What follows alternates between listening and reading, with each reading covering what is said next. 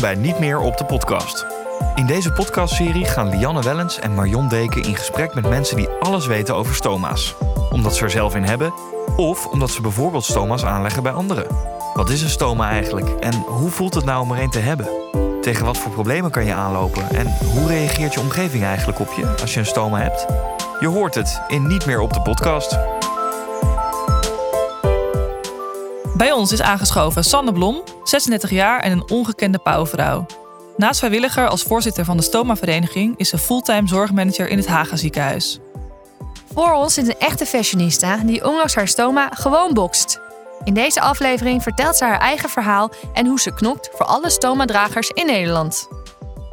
Voor we je het hemd van het lijf vragen rondom je bezigheden voor de stoma-vereniging, willen we eerst eigenlijk wat meer over je eigen verhaal horen. Kan je daar ons wat over vertellen? Ja, zeker. Um, ik ben de Sanne Blom, 36, uh, iliostoma. Die heb ik als gevolg van de ziekte van Crohn. En dat heb ik al 13 jaar. Tenminste, dit is mijn tweede stoma. Ik heb ook op mijn 18e een jaar een colostoma gehad. Um, ik ben eigenlijk wel heel blij met mijn stoma. Want sindsdien is mijn ziekte heel stabiel. Ik ben zeven jaar van mijn 16e tot mijn 23e heel ziek geweest. Veel operaties, stuk of 15. Uh, tientallen ziekenhuisopnames, aantal scopieën en bloedprikken en zo ben ik de tel van kwijt. Maar eigenlijk sinds, uh, sinds ik dat stoma heb, is het uh, heel stabiel. Je zegt een tweede stoma. Hoe zit Ja. dat dan precies? Um, mijn eerste was tijdelijk, om mijn ziekte rustiger te krijgen toen. Dat was toen ik 18 was, een jaartje. Um, en daarna was het idee dat ik jarenlang klachtenvrij zou zijn. Uh, echt tientallen jaren, maar dat is ongeveer een jaar gelukt. En uiteindelijk, dus mijn stoma is opgeheven geweest. Daarna is het weer, uh, nou, ben ik weer ziekenhuis in, ziekenhuis uit. En na een paar jaar heb ik gezegd, mag ik alsjeblieft weer een stoma terug? Want toen ging het goed. Dus uh, een paar jaar tussendoor zonder en nu al heel lang met. En hoe was dat dan voor jou? Want sinds wanneer weet je dat je een darmziekte hebt?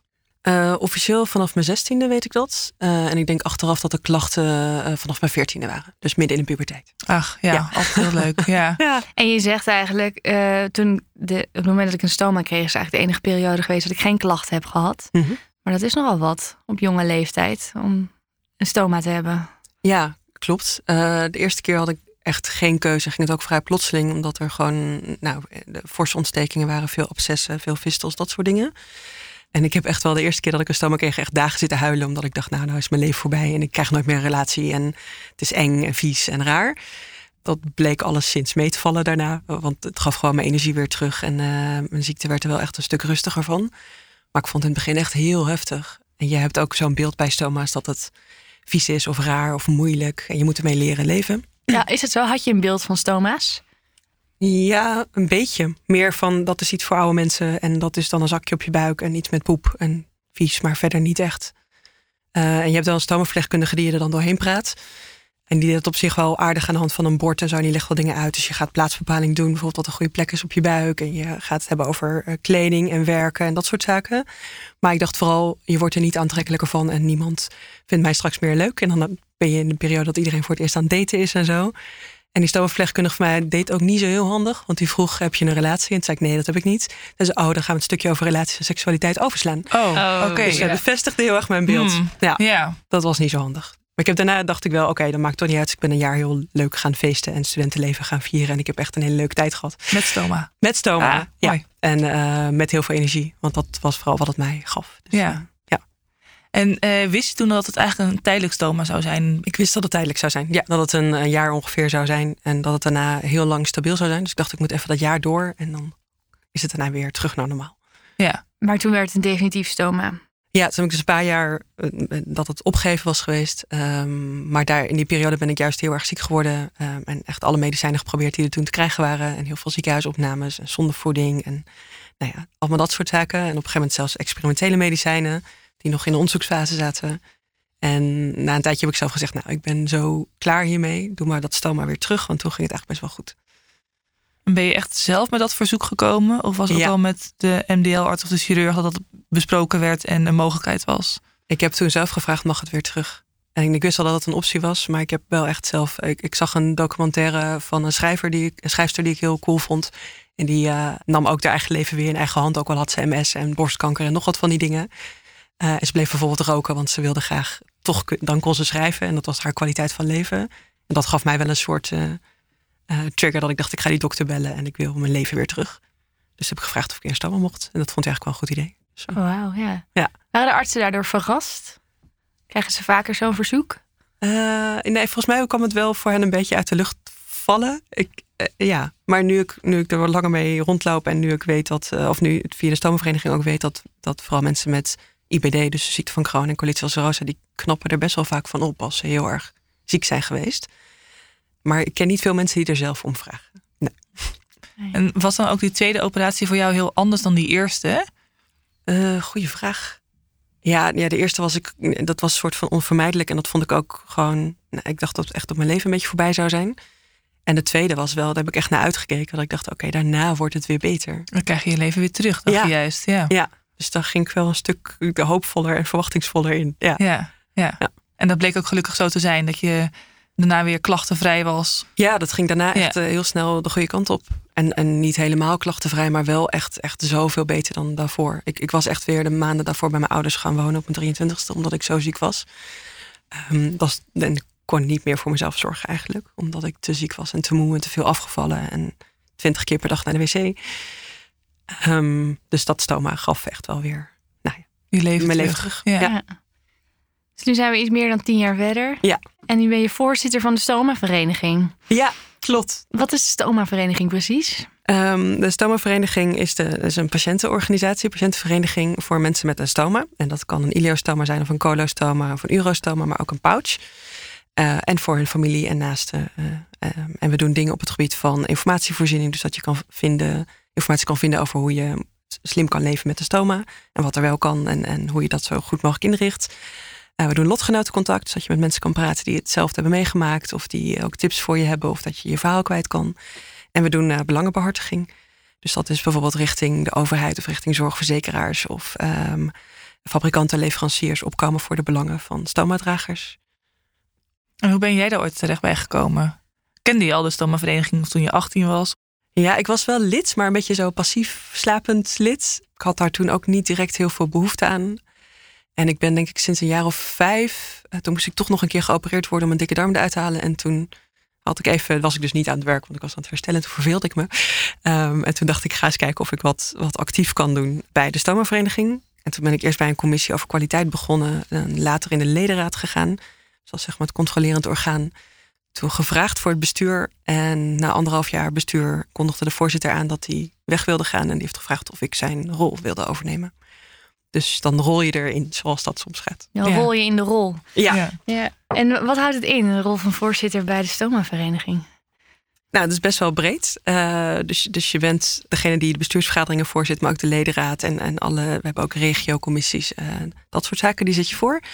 Je bent ook degene die samen met het bestuur de strategie eh, bedenkt en bepaalt. We zijn een soort bestuur op afstand. Je stuurt ook de directeur aan, die dan weer het kantoor aanstuurt. We hebben zo'n eh, acht medewerkers. En je bent ook wel een beetje het gezicht van de vereniging. Dus je, je doet soms presentaties, je zit stoma-dagen voor. Je staat soms in de krant, dat, dat soort zaken. Of je zit bij een podcast? Of je zit bij een podcast. ja. Maar wat heeft jou bewogen om actief te worden bij de stommavereniging? Want je zei, oké, ik, ik verveelde me wat, ik ging rondkijken. Maar ja, het is ook wel iets waar je eigenlijk zelf jarenlang ziek mee... Of je bent ziek geweest en stoma voor hebt gekregen. Dat is ook Ja. wel confronterend misschien. Dat je daar ook eh, nou ja, een deel van je werk eh, van gaat maken. Ja, ik denk dat, dat ik daarom de eerste jaren ook dacht, nou, ik, ik lees de informatie en ik vind het verder wel best. En later denk je, ik wil eigenlijk wel. ehm, ik, ik werk in het ziekenhuis eh, als manager. ehm, en ik dacht, ik wilde wel ook iets bij doen wat, wat betekenis geeft. En ik mm, deed eerst zo'n commissietje en dan merk je, oh, maar dit, dit draagt wel echt iets wezenlijks bij. En ik kan hier ook iets betekenen. En het is ook een andere manier om met je stoma bezig te zijn. Dus meer ook echt vanuit positiviteit en vanuit wat kan er wel. En ehm, eh, laten zien, nou, daar een bijdrage aan leveren voor andere stoma-dragers. Ik merkte dat ook wel af en toe in het ziekenhuis. Dan lig je soms naast andere jonge mensen, jonge meiden, jonge jongens die ook een stoma krijgen. En die daar echt enorm mee worstelen. Zoals ik dat de eerste keer ook echt gehad heb. En dan merk je dat door je verhalen te vertellen of te, uit te leggen wat er wel kan. Dat je iemand er misschien net iets positiever naar kan laten kijken. En zo stapje voor stapje merk je, hé, hey, dan kan ik echt wel iets wezenlijks bijdragen door te laten zien hoe je, je prima kan leven met een stoma. Dat het je vrijheid teruggeeft, dat het je energie teruggeeft. Ik, ik, ik sport bijvoorbeeld, ik dans en ik box en dat kan ermee. Ik ga op reis, ik werk meer dan fulltime. Dat kan. Ik hou van strakke jurkjes, dat kan ook. Ja, want je zit hier echt in een prachtige ja, panterprint, strakke jurk. Ja, heel onder de indruk. Kan Ja, gewoon. Ja, Ja. dus, dus ja, het is ook om te laten zien dat het gewoon kan. En ik vind het stiekem ook wel grappig dat stoma's wordt vaak geassocieerd met oude mensen. En je ziet ook dat vrijwilligerswerk vaak gedaan wordt door mensen die dan gepensioneerd zijn. En ik vind het wel grappig om dan op je 36e als jonge vrouw eh stoma-dragers te representeren. Om te laten zien dat dat ook kan. En je merkt dat mensen dan soms een beetje Verbaasd zijn. verbaasd zijn. Ja. ja, ja. op een positieve manier denk ik. Maar ja. Ja, op een positieve manier. Want krijg je ook wel eens minder leuke reacties op je Ehm, werk? Nee, ik krijg meestal positieve reacties. Ik denk ook wel dat het helpt als je er zelf comfortabel mee bent en zelf open over bent. ehm, en goed hebt geleerd hoe je ermee omgaat, zodat het voor jou werkt. En zodat je eigen kwaliteit van leven hebt. Dus ik krijg weinig negatieve reacties. En als je re- reacties krijgt, zijn het vaak vragen. En dan zit het in onwetendheid. eh, dat mensen denken, ja, maar heb je dan niet heel veel lekkages? Dan zeg je, nou, als je het goede materiaal hebt, helemaal niet. Of kun je dan wel, hoe zit het met relaties? Of hoe zit het met sport? Of hoe zit het met kleding? En als je dan zelf al laat zien dat je gewoon aan kan hebben wat je aan wilt hebben, dan, ja, dan neemt dat al heel veel weg. En is die zekerheid voor jou in de jaren gegroeid? Ja. Want was dat anders dan dat je begin twintig was? Ja, op mijn achttiende was ik wel meer bezig met vooral zorgen dat niemand het echt door had. Ehm, ik vind het nog steeds wel fijn om zelf te kiezen of je het wel of niet erover hebt of wel of niet. Nou ja, laat zien is misschien een beetje groot woord, maar je kan best een heleboel verhullen. Ja, dat, daar groei je wel in. Ik, ik had in het begin ook wel dat je denkt, ja, de, de poep en plas zijn niet thema's waar je het vaak Nee. makkelijk over hebt. Eh, en op mijn achttiende al helemaal niet. En dan zijn mensen daar ook niet mee bezig. En inmiddels als je dan ouder wordt, dan merk je, oh, iedereen heeft wel wat. En dat zijn eigenlijk best wel normale onderwerpen. En als je er zelf open over bent, dan zijn anderen er ook makkelijker mee. Maar je vertelde wel dat je hè, bij je eerste stoma toen je 18 was, dat je eigenlijk wel heel erg bent gaan feesten tijdens je studententijd. Dus je hebt dat wel proberen nou, te combineren. Ja, en je zegt combineren en ik, misschien ook wel met je compenseren. Dat je, dat je ergens. Ik heb, dan, ik heb wel veel geflirt in die tijd, zeg maar, maar niet meer dan dat. Maar ik had wel een soort bevestiging nodig van, oh ja, ik kan, kan ook wel weer leuke dingen doen, maar ook wel gewoon flirten en dansen en kijken wat er gebeurt, zeg maar. Ehm, die had ik ook wel nodig om mezelf weer misschien vrouwelijk te voelen. Ja. Ja. Ja. Dat is een bewijs van, Ja. ja, ook met stoma. Ja. Kan ik dit allemaal doen? Dus dat is ook gewoon, ik dacht, ik heb toch niks te verliezen. Dus dan ga je kijken wat er kan. En Ja. durfde je dan ook mensen wel over je stoma te vertellen? Ja, vrienden en zo wel, maar ik ging niet verder dan flirten of, of zoenen met mensen. Want dat durfde ik toch niet. Ja. Nee. ja. Ja. En was dat dan weer anders voor je toen je tijdelijk geen stoma had? Voelde je toen misschien wat zekerder en dan ging je nou ja, met een ander idee die tweede operatie in, omdat je toen weer meer voor kwaliteit van leven ging? Of zit daar nog een verschil in? Ja, nou het verschil is ook wel dat ik tijdens mijn eerste stam heb ik wel mijn huidige vriend leren kennen, Ah. 17 jaar geleden. Ehm, dus dat, dat ging wel goed. En die was daar juist eigenlijk heel makkelijk in. Want met hem ging ik wel verder dan, dan zoenen. En toen heb ik op een gegeven moment wel gezegd: Oh, by the way, je moet nog wel even weten dat ik een stoma heb. En hij zei: Oh, oké. Zo iets later, weet je eigenlijk al wat dat is? Nee, weet niet. Ehm, en toen had hij het later gegoogeld. Zei hij: Oh, is dat alles? Dus hij is er denk ik nog makkelijker mee geweest dan, dan ik. Had je dat verwacht? Nee, dat had ik eigenlijk nee, dat had ik niet verwacht. En ik ben hem daar wel heel dankbaar voor dat hij daar zo makkelijk in was. Want dat maakt het voor mij ook makkelijker. En ik dacht bij hem eerst, ja, als ik het. Ik, mijn stoma zou toen bijna opgeheven worden toen ik hem leerde kennen. Dus ik dacht, als ik nou gewoon het een paar maanden rek, nog een rek? Ja. dan hoef ik het misschien niet te vertellen. En toen werd die operatie uitgesteld. Toen dacht ik, oh shit, moet ik het toch vertellen? Maar hij is er zo makkelijk mee geweest. En ook bij de tweede was hij ook. Ik, ik baalde toch wel weer dat ik dacht, oh, mijn lichaam gaat wel weer veranderen. Ook al krijg ik mijn vrijheid terug. En hij heeft het zo geaccepteerd meteen. En dat heeft mij wel geholpen. Mooi. En hoe kunnen eh, mensen eigenlijk lid worden van de stoma-vereniging? Eh, de, de, de bel of stuur een mailtje of meld je aan op de website. Eh, Ja. Zoals je lid wordt van, van alle verenigingen. Maar hoe kunnen ze jullie vinden? Eh, het makkelijkste is via de website, dus www.stomavereniging.nl. Maar ook eh, als mensen een stoma krijgen of eh, net hebben gekregen, zijn ze vaak bij een stomaverpleegkundige. eh, die je dan op weg helpt met dat stoma, het goede materiaal eh, eh, het helpt te vinden, maar ook leven met eh, probeert uit te leggen. En ook zij weten de route naar, naar ons. Ja, want is het zo dat mensen automatisch een bericht krijgen van het bestaan van de stoma-vereniging? Kom je in een, automatisch in een ledenbestand? Of dat, eh, moet Nee. je wel echt zelf erachteraan. Ja, maar dat is natuurlijk ook vanuit privacy. Dat Ja, je niet zomaar ja. eh, mensen kan benaderen. Eh, dus, dus je moet er wel zelf achteraan. Maar dat gaat vaak via een stoomverpleegkundige of via de chirurg die je geopereerd heeft. Of de MDL-arts. Die kan je er ook op wijzen. En organiseren jullie ook feestjes of bijeenkomsten? of voor mensen met. eh, wat, kan ik me een beetje voorstellen wat, wat de bezigheden zijn voor patiënten? Eh, feestjes wat minder, maar ehm, bijeenkomsten zeker. Eh, de, voor corona en ik hoop straks over een paar maanden ook weer hebben we landelijke stoma-dagen. Dus dat zijn meer grote eh, events. waar vaak ook een thema is en waar sprekers zijn en workshops en, en een soort stoma-markt met alle nieuwe materialen en fancy gadgets die er eventueel zijn, zoals mooie zakjes voor eromheen. Ja, Ehm, fancy gadgets. eh, Wat, ja. eh, hoe kan ik me daarbij voorstellen? Nou, bijvoorbeeld ehm, eh, in, in hoe je met je stoma wil omgaan, kun je. er zijn bijvoorbeeld mensen die zeggen: Ik vind het fijn om een soort, soort hoesje voor mijn stoma te hebben, alsof je je stoma aankleedt in een leuk kleurtje. Ehm, bijvoorbeeld als je gaat zwemmen, dan kan dat fijn zijn. Of als je naar de sauna gaat, dat je er een hoesje omheen hebt.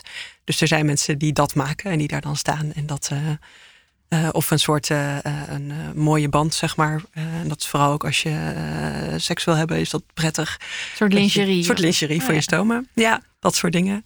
Of slim ondergoed. Dus ondergoed wat wat hoger is bijvoorbeeld. zodat het een beetje je stoma wat platter op je buik houdt. Dat zijn meer de gadgets, zeg maar. Dus dat zit weer Is daar een grote markt voor, voor stoma-materiaal? Voor stoma-materiaal aan zich wel. Maar dat zijn natuurlijk gewoon de, de plakken en de zakjes. Dat is echt wel een, een wereldwijd ook een grote markt. Maar dat is echt medische hulpmiddelen die je echt nodig hebt om goed te kunnen functioneren. Maar je kan het daaromheen ook eh, wat leuker maken of wat vrolijker. Of denken, hé, hey, dan voel ik me meer aangekleed. Kan ik zeggen, een gat in de markt of knip je die dat er dan uit? Ik denk het wel, hè? Het gaat er wel uit. Oké. Nou ja, maar en, en wat we verder organiseren zijn ook eh, regionale bijeenkomsten. Ehm, we hebben lotgenotencontact in, in, ja, in kleinere en grotere settings. Dus bijvoorbeeld een bezoekdienst waar, die ik echt heel tof vind. Dus als jij een specifieke vraag hebt of je staat voor een keuze of je hebt tips nodig, dan koppelen we je aan iemand die bijvoorbeeld hetzelfde stoma heeft of dezelfde leeftijd of hetzelfde dilemma heeft gehad. Of misschien wel dezelfde mate van eh, eh, reislustigheid heeft of eenzelfde soort baan.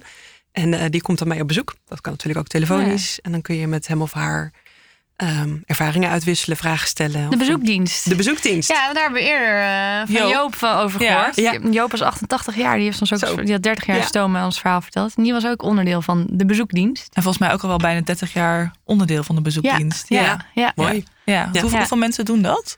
Eh, Zo'n 150. Zo, Ja, ja. dus best wel veel. Ja. En we hebben iets van, eh, er zijn iets van 40.000 stoma-dragers in Nederland. waarvan er zo'n 6.000 lid zijn van de stoma-vereniging.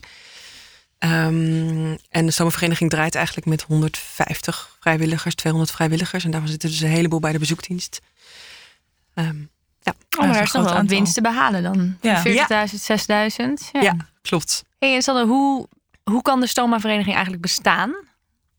Ja, als organisatie. Ja, Ja, ja, we hebben dus, eh, eh, we doen echt heel veel met vrijwilligers, maar we hebben natuurlijk ook gewoon eh, geld nodig om, om een goede professionele organisatie te zijn. Eh, met een directeur en een paar, paar medewerkers. We zijn krijgen jullie dat van de overheid? Of, ehm, Nauwelijks. Eh, we hebben natuurlijk wat lidmaatschapsgelden. Eh, dus lid zijn van de stoomvereniging kost 35 euro per jaar. Dus, eh, en we krijgen ook donaties van mensen. En we krijgen ook nog wel eens erfenissen. Ehm, we hebben wat subsidies. Vooral via KWF en de Nederlandse Federatie van Kankerpatiëntenorganisaties. Ehm, en ook eh, eh, fabrikanten en leveranciers die ons eh, sponsoren. Vooral voor de, voor de stoma-dagen. Dan staan ze daar met een kraampje en daar betalen ze voor. En dan kunnen wij zorgen dat, dat we de sprekers een kleine vergoeding geven. En dat er broodjes zijn en de ruimte gehuurd kan worden. Maar het is wel, wel zoeken soms. Ehm, en het wordt ook wel steeds lastiger. Maar als je professionele patiëntenorganisaties wil die echt goed georganiseerd zijn, die ook echt een goed georganiseerde stem zijn in het hele zorglandschap, dan heb je ook gewoon wat geld nodig om dat eh, goed te kunnen organiseren en te kunnen faciliteren. dus stel mensen eh, horen deze podcast en ze denken, oh, ik wil dat wel supporten. Kunnen ze dan contact met jou opnemen of met de stoma-vereniging? Of... Ja, ja mag, mag ook rechtstreeks via mij, maar mag ook via info.stomavereniging.nl of eh, via de website. Ja, dus heel graag als mensen daar ideeën voor hebben, of misschien moeten we een goede crowdfunding opzetten. Doneer vooral. Doneer vooral. Ja, Ja, ja. zeker. En anders nog de subsidie vanuit de overheid, wat misschien nog eh, meer zou kunnen worden. Of hoe. eh, Ja, dat, dat stond Ja. wel in het nieuwe, nieuwe plan voor de zorg. Dat ze patiëntenverenigingen een, eh, een stevigere stem willen geven. En dat ze daar ook eh, eh, financiën voor beschikbaar willen stellen. Dus dat, daar zijn we heel blij mee dat dat erin staat en dat ze dat eh, gaan doen. En we hopen dat dat echt effect gaat hebben. En doet de stoma-vereniging zelf ook ehm, onderzoek naar stoma's? Ja, Of kwaliteit van leven met een stoma. Ja, doen we. Eh, we hebben een onderzoeksagenda gepubliceerd ongeveer een half jaar geleden. En we doen, we haken aan bij onderzoek rondom eh, stoma's en, en dingen die daarmee te maken hebben. Want we zijn niet zelf in staat om echt helemaal wetenschappelijke onderzoeken te doen. Eh, maar dat gaat bijvoorbeeld over, soms over nieuwe operatietechnieken, maar het gaat ook over voeding. Als je een stuk darm mist, dan neem je soms niet al je voedingsstoffen meer op. Ehm, maar ook hoe hou je je huid nou zo goed mogelijk als je er altijd een pleister op hebt zitten. En als het helemaal je huid beschadigd raakt, dan, ja, dan wordt het vaak van kwaad tot erger. Dus hoe kun je dat zo goed mogelijk doen? Daar doen we onderzoek naar. En we hebben, wat ik heel tof vind, een stoma-panel. Dus van die 6000 leden zijn er zo 4.500 die in een online stoma-panel zit, zitten. Dus daar doen we vaak eh, eh, doen we enquêtes. Ehm, en dat kan bijvoorbeeld zijn over een stoma- en coronazorg en uitgestelde zorg, dat soort zaken. Ehm, maar soms ook eh, kankergerelateerd. Ehm, eh, onderzoeken naar samen beslissen en hoe ervaar je de ziekenhuiszorg. Ehm, en het gaat soms ook over de psychosociale kanten. Dus hoe, hoe, heb je, kwa- hoe ervaar je kwaliteit van leven? Dus allemaal dat soort zaken. En daar doen echt duizenden mensen aan mee. En dat helpt echt om, eh, om goed inzicht te krijgen in hoe de kwaliteit van zorg is. Oh, tof. En wat doen jullie dan met die resultaten? Koppelen jullie dat dan terug alleen aan de leden? Of ook bijvoorbeeld naar het ministerie van Volksgezondheid? Of probeer je daar iets nieuws mee te bereiken? Het kan allemaal. Eh, dus we koppelen het vaak sowieso ook terug natuurlijk aan de mensen die meegedaan hebben. Maar vaak is het vanuit een groter verband. Dus bijvoorbeeld samen met alle kankerpatiëntenorganisaties. Eh, en dan wordt er echt vanuit de NFK teruggekoppeld of vanuit de patiëntenfederatie. We koppelen wel eens iets terug naar, eh, soms doen we onderzoek met ziekenhuizen samen. Dus dan wordt er verder wetenschappelijk onderzoek naar gedaan. Ehm, en soms inderdaad ook, eh, ook doen we een publicatie of dan staat het in de krant, de belangrijkste uitkomsten. Ja. Jullie hebben ook een, eh, een blad wat jullie maandelijks uitgeven? Of een, vaak- kwartaalblad. Een kwartaalblad. de vooruitgang. Ehm, en dat is ook als je lid bent van de Stammenvereniging, krijg je dat blad. Ik vind het zelf ook best wel, het is best een fancy, mooi blad. Met eh, mooie eh, ervaringsverhalen, maar ook wetenschappelijke artikelen, nieuwste innovaties. ehm, maar soms ook gewoon eh lotgenotenverhalen. Ehm, en het heet De Vooruitgang. En dat is natuurlijk eh, ja, de gimmick tweeledig. woordgrapje. Een Ja. woordgrapje. Ehm, dat het en vaak mensen ervaren een stoma krijgen als een, een- toch een verbetering. Eh, of het is weer nou ja, een stap verder naar nou ja, je, weer je leven kunnen leven. Of, of juist zorgen dat nou ja, de kanker voorbij is. Ehm, maar het is ook natuurlijk de achteruitgang versus de vooruitgang. Dus Ja. die zit bij ons voor op de buik. Dus vandaar. Mooi gevonden. een soort battle. ja. Wat zou je eigenlijk willen dat iedereen met een stoma ook lid is van jullie vereniging? Of hoe zie je dat voor je? Nou, het liefst wel Ja. natuurlijk. Hoe meer, hoe beter. Eh, omdat we dan ook eh, de mensen beter kunnen helpen. En we ook een, eh, een krachtigere stem kunnen zijn. Bijvoorbeeld naar de overheid of naar zorgverzekeraars. En natuurlijk representeren we wel die 40.000 allemaal. Want we gaan niet zeggen nou wel voor de leden en niet voor de rest. Maar ja, het is wel ehm, ook voor je bestaansrecht en voor je representatie. Hoe meer leden, hoe beter. Zeker. Ja. Dus als je nog geen lid bent, wordt het.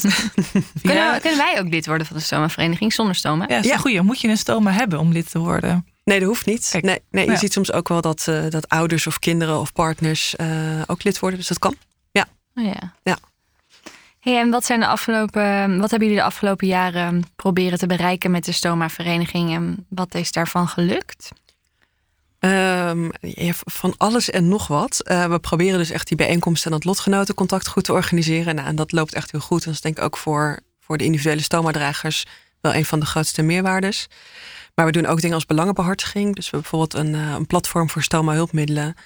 eh, om te zorgen dat mensen eh, zorg op maat krijgen en de juiste materialen. En dat doen we samen met het ministerie van VWS. Oh, ja. Maar ook zorgverzekeraars in Nederland met de stomaverpleegkundigen, met fabrikanten en leveranciers. En samen proberen we dan die zorg zo goed mogelijk te organiseren en de, de beschikbaarheid en de vergoeding van hulpmiddelen. Ehm, Want gaat dat nu bijvoorbeeld nog niet goed genoeg? Of wat is daar het heikelpunt? eh? nou, het gaat, het is een beetje zo'n 80-20 eh, regel. Dus voor 80% gaat het goed. Dus als je een beetje, een beetje binnen de standaarden past eh, en niet moeilijke dingen hebt, dan gaat het goed. En ehm, heb je bijvoorbeeld een net wat ingewikkelder stoma, of je hebt meer huidproblemen, of je, je buik heeft net een moeilijkere vorm, of dat soort zaken, of je hebt heel veel littekens op je buik, dan heb je soms zorg op maat nodig. Ehm, en dan heb je soms meer materiaal nodig, of specifieke materiaal, of ehm, pleisterplakverwijderaars, zeg maar. En dat gaat niet altijd goed. Uh, want dan is het soms iets duurder. Um, en dan kom je toch met de vergoedingen in de knel. En dan zijn er soms zorgverzekeraars die zeggen: ja, dat mag je niet. En dat leidt soms echt wel ook tot complicaties. Dus mensen die dan, uh, waarbij uh, huidproblemen ontstaan, waardoor ze naar de dermatoloog moeten en van de regen in de drup komen. En ik denk persoonlijk dat het dan alleen maar duurder wordt. Ja. Ja. Um, dus je kan beter dan dat soort mensen in het begin beter helpen, zodat je complicaties, uh, zowel vanuit kwaliteit van leven perspectief als vanuit kostenperspectief, kan voorkomen. Maar als mensen zo'n probleem hebben, dan kunnen ze ook bij de stoma-vereniging terecht voor belangenbehartiging. Zeker, ja. ja. Dus uh, laat het ons weten, stuur een mail of bel en uh, we gaan kijken wat we voor je kunnen doen. Of je in ieder geval naar de goede partijen verwijzen. Uh, en we proberen dus op hoger niveau met, met al deze partijen die ik net noemde, dat dan op te lossen. En, en lukt dat ook? Ja, stapje voor stapje. het is een complex speelveld en er zitten heel veel belangen natuurlijk. Um, maar je merkt dat we, de bereidheid is er wel. Um, en we zijn echt al jaren met elkaar in gesprek om dat beter te krijgen. En stapje voor stapje wordt het wel beter. Uh, we hebben daar ook een brandbrief over geschreven afgelopen december. Uh, en er zijn bijvoorbeeld kamervragen over gesteld. En uh, de minister is daar, die heeft daarop gereageerd. En we zijn echt met het ministerie, met de directeur-generaal in gesprek over hoe we dit nou kunnen verbeteren. Dus dat begint wel ergens oh, toe te leiden. Ja. ja. En je gaf zelf net aan, toen jij zelf jong was, toen dacht je stoma. Dus dat is vies en raar, hoort bij oude mensen. Mm -hmm. Doen jullie vanuit de stoma-vereniging, houden jullie ook veel bezig met dat taboe een beetje te doorbreken? Ja, zeker. We hadden eerst ook als ondertitel stoma-vereniging doorbreken taboe. Um, dus ja, er is gewoon best wel een groot taboe op, op dingen rondom uh, poep en plas en, en stoma's.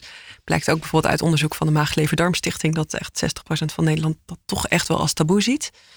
Um, en we proberen de bekendheid aan te geven. Dus en door aan te geven hoe je erover kan praten, maar ook door uh, in de media op te treden en door. Um, we geven bijvoorbeeld ook colleges aan, aan verpleegkundigen, oncologieverpleegkundigen, stomaverpleegkundigen en andere verpleegkundigen in opleiding van hoe kun je het nou bespreken. Um, we hebben laatst ook een webinar gedaan over taboes, over wat het ook in je hersenen doet. En um, ja, um, humor schijnt heel goed te helpen. dus wees er gewoon open over, maar ook trots helpt. Dus ja, ja. ja ben jij trots? Ja, ik, inmiddels wel, denk ik. En dat is wel uh, mijn manier, denk ik, ook om ermee om te gaan. Dat je gewoon denkt, ik sta er gewoon. Dat is mijn prijs voor vrijheid. Dus um, ja, wel een soort trots. En je merkt ook dat als je er gewoon open over bent, dat het sowieso makkelijker gaat. Erover praten en dat mensen er ook makkelijker vragen over stellen. Ja. ja. En wat je zei van het geven van die webinars of uh, onderwijs aan verpleegkundigen, dat zijn natuurlijk al wel een beetje de mensen die ofwel iets weten van een stoma of ermee te maken krijgen. Ja. Maar hoe bereiken jullie, zeg maar, de leken die nog helemaal niets weten van een stoma. Hoe zetten jullie zich daarvoor in? Ja, uh, via media. Dat kan social media zijn, zeg maar. Daar heb je een aantal hele mooie voorbeelden van mensen die heel open over zijn. Um, maar ook gewoon soms uh, met artikelen in de krant. We hadden laatst een supermooie campagne over de kinderstoma-app. Uh, samen met, met de Academisch Ziekenhuis in Amsterdam. Um, waarin we dus een stoma-app voor kinderen willen ontwikkelen. En daar is ook heel veel media-aandacht voor geweest. Uh, en dat helpt ook door dat gewoon te laten zien. Want wat doet die app? Um, specifiek voor kinderen ga je op een soort, soort spelende manier leer je met je stoma omgaan. Um, dus dus met, ja, met games. Met een soort slimme, een beetje medische games leer je hoe kun je met je stoma omgaan. Um, en hij is nog in ontwikkeling, maar we hebben dus een prijs gewonnen daarvoor. Dus nu kunnen we hem echt gaan maken. En er zitten ook gewoon leuke dingen in, zoals pimpje zakje. Um, Sorry, of, uh, pimpje zakje. Pimpje, oh, pimpje zakje. Ja. nou, je moet een beetje, ja, helemaal als kind is het ook Ja. leuk, juist om hem vrolijker te maken of een mooi hoesje. Of, uh, maar ook daar zit, uh, zit uh, veilig lotgenotencontact uh, voor kinderen. Want die groep is wel significant, maar is wel klein. Dus het is ook fijn als je tien bent, dat je met een andere tienjarige daarover kan praten. Ja, en volwassenen, voor volwassenen bestaat er ook al deze Ja. app. Die bestaat al. Die is zonder spelletjes tot nu toe, helaas. Oh, saai. Misschien wel leuk. Ja. Het kan nog doorontwikkeld worden. Ja. Maar daar staat vooral informatie in. Dus, eh, de, dus, en de medische informatie, maar ook tips en trucs over uh, als ik op reis ga, waar moet ik dan rekening mee houden? Uh, wat kan ik qua kleding? Wat kan ik qua werk? Wat kan ik qua sporten?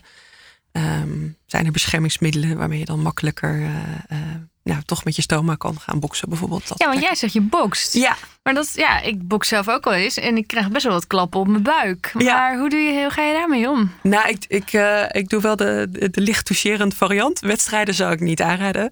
Maar het is, eh, ja, je, je kan gewoon tegen je tegenstander zeggen... joh, doe ik met mijn buik een beetje rustig aan. Ja. En op zich dan wel licht toucherend sparren. Ja. Dat gaat eigenlijk best goed. En dan Ja. zeg ik wel even niet op mijn buik. Dan krijg je dus meer klap op je hoofd, helaas. Het is niet te zien. Nee. Nee.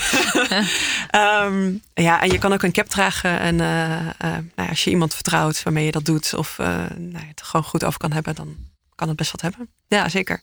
Met wat voor verhalen eh, melden patiënten zich meestal bij jullie? Of via de stomavereniging.nl of via de stoma-app kunnen ze misschien ook met jullie contact opnemen? Mhm. Met wat voor verhalen of met wat voor vragen komen ze dan eh, bij jullie? Ehm, er gaan heel veel vragen over eh, hulpmiddelen. Dus hoe krijg ik het goede materiaal wat bij mij past? En eh, hoe wordt dat dan vergoed? Dus die vraag krijgen we heel veel. Er gaan ook veel vragen over voeding. Dus wat kan ik wel en niet eten? En hoe zorg ik dat ik een beetje mijn voedingsstoffen goed opneem? Of hoe zorg ik dat ik verstoppingen voorkom?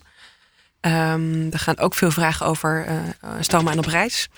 Dus hoe gaat dat bij de douane? Of hoeveel materiaal moet ik meenemen? Of hoe gaat dat in andere landen qua, nou ja, als mijn koffer overgemaakt wordt of dat soort zaken. Ehm, ja, en, en wel dingen over lotgenotencontact en zo. Van ik heb behoefte aan met iemand praten of een maatje of dat soort zaken. Eh, geef je dan allemaal persoonlijk weer antwoord? Of hoe, hoe gaat dat dan? Ja, ja, zeker. Er zit op kantoor dus een paar medewerkers. ehm, en die beantwoorden een heleboel vragen. Maar we hebben sinds kort bijvoorbeeld ook een chatfunctie een paar uur per dag. En daar zitten ervaringsdeskundigen, dus mensen met een stoma, en die beantwoorden dat. En je kan bellen, je kan chatten, je kan appen, ehm, je kan een mail sturen. Of je kan langskomen eh, waar dat kan en mag. En die stoma-dagen werken heel goed. Ja. Ja. Dus eigenlijk wel via alle kanalen zijn jullie eh, te bereiken. Zeker, ja. Ja. Ja. ja. Ja. En worden jullie ook wel eens getipt eh, door patiënten die zeggen: hé, hey, ja, ik ben eigenlijk daar niet welkom. Of bij een zwembad of bij een sauna, dat ze daar ergens tegenaan lopen. Ja. En dat ze dan aan jullie vragen: hoe kunnen we dat oplossen? Ja, dat, ja, dat is ook wel een thema. Eh, en daar merk je gewoon dat er onbekendheid is, of soms onbegrip, dat mensen denken dat dat vies is en dat je dus niet naar een, een, een sauna kan. Ehm, de meeste sauna's, helemaal als je van tevoren even, dan kun je dat wel uitleggen. En ook daar proberen we wel goede informatievoorziening te krijgen. Ehm, er zijn ook wel echt dat we stoma-dagen, eh, stoma-middagen in de sauna organiseren. Dus dan gaan we met een hele groep. Ah, Oh, lachen. Dus dan hoef je het sowieso niet uit te leggen. Ja. En dan eh, kun je ook met elkaar eh, gewoon daar eh, ervaringen over uitwisselen. Dus dat helpt ook. Een Ja. soort badpakkendag, maar dan Ja. stoma-dag. Stoma-bad pakkendag, ja. en vind je dat, dat op dit moment de stomazorg in Nederland goed is? Ja, ja, ik vind Ja. de stomazorg op zich heel goed. Ik denk dat we natuurlijk in Nederland sowieso een heel goede, heel, heel goede medische zorg hebben. Ehm, en de functie van stomaverpleegkundige is echt heel waardevol. Ook om te leren leven met. Want dat, dat heb je in het begin echt nodig. Ehm, wat wel beter kan, denk ik, is als je dan eenmaal. Je, je hebt maar een, een, een traject bij een stomaverpleegkundige gelopen. totdat je traject bij de medisch specialist afgelopen is. Ehm, en soms wil je daarna eigenlijk ook nog een keer makkelijk, laagdrempelig advies vragen. Of, of is er iets aan je lichaam veranderd of aan je leven. En misschien heb je dan ander materiaal nodig. Of heeft je huid het toch zwaar. Dus het zou mooi zijn als een stomaverpleegkundige ook langer toegankelijk is. Dat je een soort stoma-APK kan krijgen elke Ja. twee jaar of zo. Om even te checken, gaat het nog goed? Heb je nog iets nodig? Ehm, kunnen we iets, iets doen om bijvoorbeeld erger te voorkomen als je huid toch aan het stuk gaan is door die plakken? Eh, dus dat zou mooi zijn als dat toegankelijker wordt, ook op langere termijn. En hoe zouden we dat voor elkaar kunnen krijgen? Ja, dat ligt aan de, hoe de eh, DBC-systematiek en de financiering in de ziekenhuizen geregeld is. Ehm, dus je hebt een verwijzing nodig. Ehm, ja, dus je zou kunnen zeggen, de stomaverpleegkundige moet ook los toegankelijk zijn. Eh, bijvoorbeeld meer in de wijk of zonder dat je bij een medisch specialist hoeft te komen. En zijn jullie daar ook dan mee bezig om dat voor elkaar te krijgen? Ja, we zijn wel ook eh, bij, bij eh, het ministerie daarover in gesprek. En, eh, maar dan moet je echt de regelgeving aanpassen via de Nederlandse Zorgautoriteit. Dus dat is echt wel een ingewikkeld traject. Ja. Ja, want het wordt hetzelfde van Claudia en Karen, dus de twee stomerverpleegkundigen die we al eerder mochten spreken. Ja. Dat zij dat inderdaad ook heel graag zouden zien. Ja. Dat je gewoon één keer per jaar een keer lang zou kunnen komen. Ook Om- als alles heel goed gaat. Ja, om juist op de lange termijn ook andere problemen te voorkomen. Of gewoon te laten zien, hé, hey, dit is nu nieuw materiaal wat misschien nog beter voor je werkt. Ja. Ja. Ja. Ja. Hey, en voordat we hier de microfoons aanzetten, toen vertelde je ons al, toen jij je eerste stoma kreeg, toen lag je in het ziekenhuis met iemand anders die we ook in deze podcast al mochten interviewen. Ja. Engelien. Ja. Ja, wat grappig. Wat toevallig. Is het nou zo dat iedereen dan in Nederland met een stoma elkaar kent? Of is het echt toevallig? ik denk dat dit toevallig was en dat we beide uh, in de buurt van Enschede uh, woonden toen. Um, dus we kwamen elkaar tegen. Maar je ligt natuurlijk wel op afdelingen um, met mensen die dan ook zo'n soort operatie krijgen. En wat ze wel heel, heel aardig proberen in het ziekenhuis is als je dan bij de begin twintig bent, dat ze je bij elkaar leggen op de kamer.